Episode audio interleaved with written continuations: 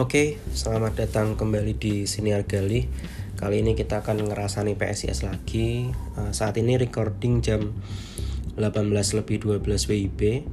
Artinya adalah uh, setengah jam lebih dari uh, setelah pertandingan PSIS melawan Persi Kendal uji coba di Stadion Kebon Dalem Kendal.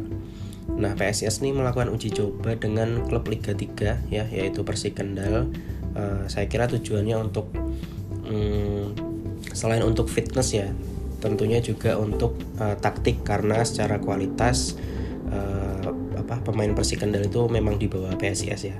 Karena secara kasta liga pun juga berbeda. Nah uh, untuk di line up babak pertama itu ada Syaiful di kiper kemudian di back ada Freddy Yan Ucil Wahyu Sabil sama Gio di tengah itu ada uh, Rido Lutfi, Rifki, Rian dan ada dua forward di uh, depan yaitu Wawan dan David.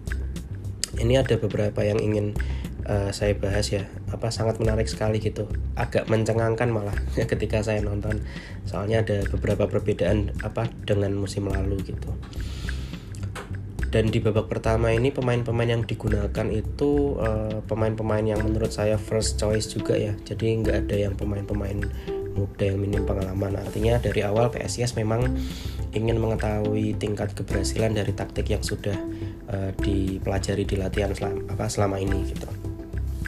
Nah di awal babak pertama itu saya langsung menyadari bahwa uh, dari segi formasi itu uh, yang digunakan sangat berbeda dengan musim lalu.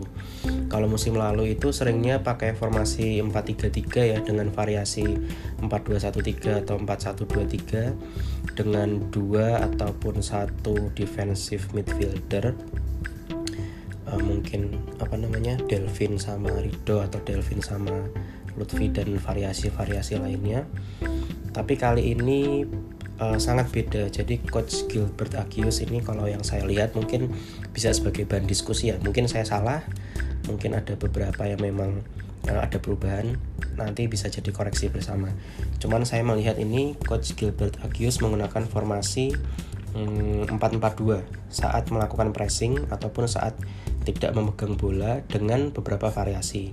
Nah, variasinya ini ada variasi formasi 4-2-4 saat build up dan bahkan bisa menjadi formasi 224 saat mau melakukan uh, overload atau menguasai pertandingan ketika kita apa uh, menguasai bola dan menguasai pertandingan kayak di pertandingan sore ini gitu. Nah, ketika PSIS menguasai uh, penuh uh, menguasai bola secara penuh di area Persik otomatis formasinya akan berubah menjadi 224. Nah, ditandai dengan uh, bola itu dikuasai Lutfi atau Rido dan fullback kiri kanannya itu naik untuk uh, membuat kondisi yang overload ataupun unggul jumlah pemain pada masing-masing sisi. Nah, sebelum saya membahas apa namanya uh, pertandingannya seperti apa, saya ada beberapa statistik kecil ya. Mungkin tidak statistik yang benar-benar uh, apa namanya lengkap, tapi ada intercept, duel, tackle, on target, off target, clearance sama dribble. Nah, kalau dari sisi intercept ini ada beberapa pemain yang memang uh, menjadi apa ya namanya ya hmm, di urutan teratas lah. Jadi ada Giovanni Numberi itu tiga kali intercept dan Rido tiga kali intercept. Sisanya satu kali itu ada Ucil, Wahyu, Rifki, Rian, Gali dan Nunung. Terus untuk uh, duel itu lagi-lagi Gio dua kali dan Wahyu dua kali kemudian ada Sabil dan Tri masing-masing satu kali kemudian untuk apa untuk dari sisi tackle itu lagi-lagi Gio tiga kali Rido dua kali dan sisanya ada Ucil, Rian, Gali dan David itu masing-masing satu kali. Kemudian untuk shot on targetnya ada 14 ya agak banyak ya nanti nggak usah disebutin lah. Terus off targetnya ada tiga ah, sorry off targetnya ada 4 kemudian clearance-nya ada Wahyu 1, Gio 1 dan uh, dribblenya dari Do 1, Wawan 1 dan Galifreta 1. Oke, kita langsung uh, masuk ke uh, ke pertandingan ya. Nah, yang sangat amat kentara di perubahan posisinya itu adalah dengan adanya dua penyerang di depan. Nah, ini saya masih belum tahu ya uh, secara posisi itu adalah forward tapi kalau secara peran kan beda ya uh, posisi dan peran itu beda. Kalau posisi itu mungkin forward tapi kalau peran mungkin dia bisa uh, apa namanya target man bisa poacher bisa uh, apa advance forward bisa false nine bahkan. Nah uh, menurut saya ketika pertandingan tadi uh, apa dua forward di depan yaitu David dan Wawan itu perannya adalah satu false nine dan satu poacher yang saling bisa bergantian gitu. Jadi tidak melekat misal David nine terus Wawan poacher terus tuh enggak jadi bisa saling bergantian. Itulah setidaknya yang saya lihat sampai uh, eh, PSIS berhasil uh, menyarankan gol yang pertama ya. Jadi uh, ketika Wawan dapat bola itu uh, si Pocher dapat bola, David nih sebagai false nine dia melakukan gerakan dummy dengan maju ke depan. Nah, ketika uh, David maju ke depan, si backnya dari Persik Kendal ini mengikuti sehingga menyisakan ruang kosong. Nah, ruang kosong ini dimanfaatkan oleh winger. Nah, wingernya ini naik Sirian.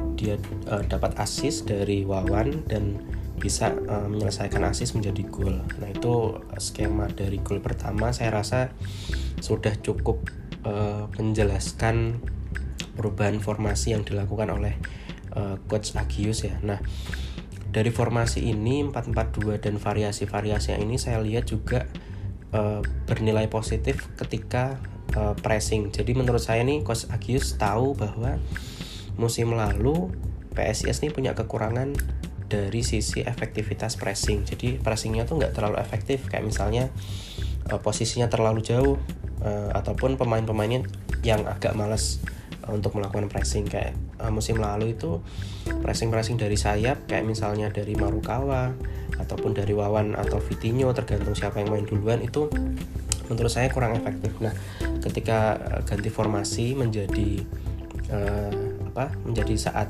pertandingan ini dilaksanakan ya uh, pressingnya itu 442 saya rasa uh, lebih efektif daripada uh, musim lalu gitu. Nah kemudian kalau bicara gol kedua dan gol ketiga uh, brace dari Septian David Maulana ini ya inilah apa udah menunjukkan chemistry lah ya antara David dan Wawan. Uh, kayaknya dua-duanya ini ya uh, counter attack ya ada clearance dari Gio sama satu lagi inilah agak counter attack lah kalau gol keempat itu fix uh, crossing yang berkelas ya dari Ucil ya kita udah lihat lah crossingnya kayak gimana dan bisa kita lihat dari uh, gol yang keempat ini keuntungan dari formasi 442 dengan variasi 424 ini ketika crossing seperti gol keempat itu uh, pilihan pemain yang ada di kotak penalti sebagai target man ketika crossing itu tidak hanya satu. Kalau musim lalu eh, ketika crossing tuh paling pilihannya ya Fortes Fortes lagi. Kalaupun bolanya kelewatan eh, agak susah tuh apa si Marukawa ataupun Wawan ataupun Vitinho-nya masih agak jauh dari eh, tengah-tengah kotak penalti. Kadang dia masih dekat di garis kotak penalti. Nah, kalau dengan formasi yang tadi 442 nah dua forward ini ketika crossing tuh betul-betul bisa duel di uh, kotak penalti bisa diterima oleh semua forward di dalam kotak penalti. Terus kalau gol kelima dari Rizky Dwi uh, gol yang kelas juga ya typical striker sejati. Karena dia uh, apa namanya ya jelas lah shootingnya bagus udah kelihatan. Kalau gol ke-6 dari Akrom juga oke okay. hasil dari mm, stealing the ball ya tackle dari nggak tahu tackle dari siapa? Dari dari Nunung atau dari Reva nggak tahu. Terus diambil uh, Gali ya Gali umpan ke Rido Rido umpan ke Akrom. Akhirnya Akrom bisa cetak gol. Dan secara keseluruhan menurut saya uh, tujuan dari laga uji coba ini cukup tercapai ya yaitu uh, PSIS bisa mencoba taktik kemudian bisa mencoba pemain baru dan pemain muda dan juga supporter ataupun penonton juga dapat tontonan yang menarik di akhir pekan gitu. Nah, eh, harapannya sih uji coba ini bukan yang terakhir karena kalau mau meningkatkan kualitas performa juga harus meningkatkan kualitas tim lawan untuk untuk uji coba tentunya. Kemudian kalau ada yang tanya gimana permainan Gali ya menurut saya sejauh ini cukup dulu ya cukup dulu untuk pemain asing. Dia juga baru datang baru adaptasi bahasa makanan uh, cuaca. Kalau cuaca mungkin nggak terlalu ya tempat dan lain-lain. Dan juga baru satu kali tanding lawan tim eksternal ya cukup aja lah. Kita kita harus tunggu pertandingan lainnya. Mungkin gitu aja. Terima kasih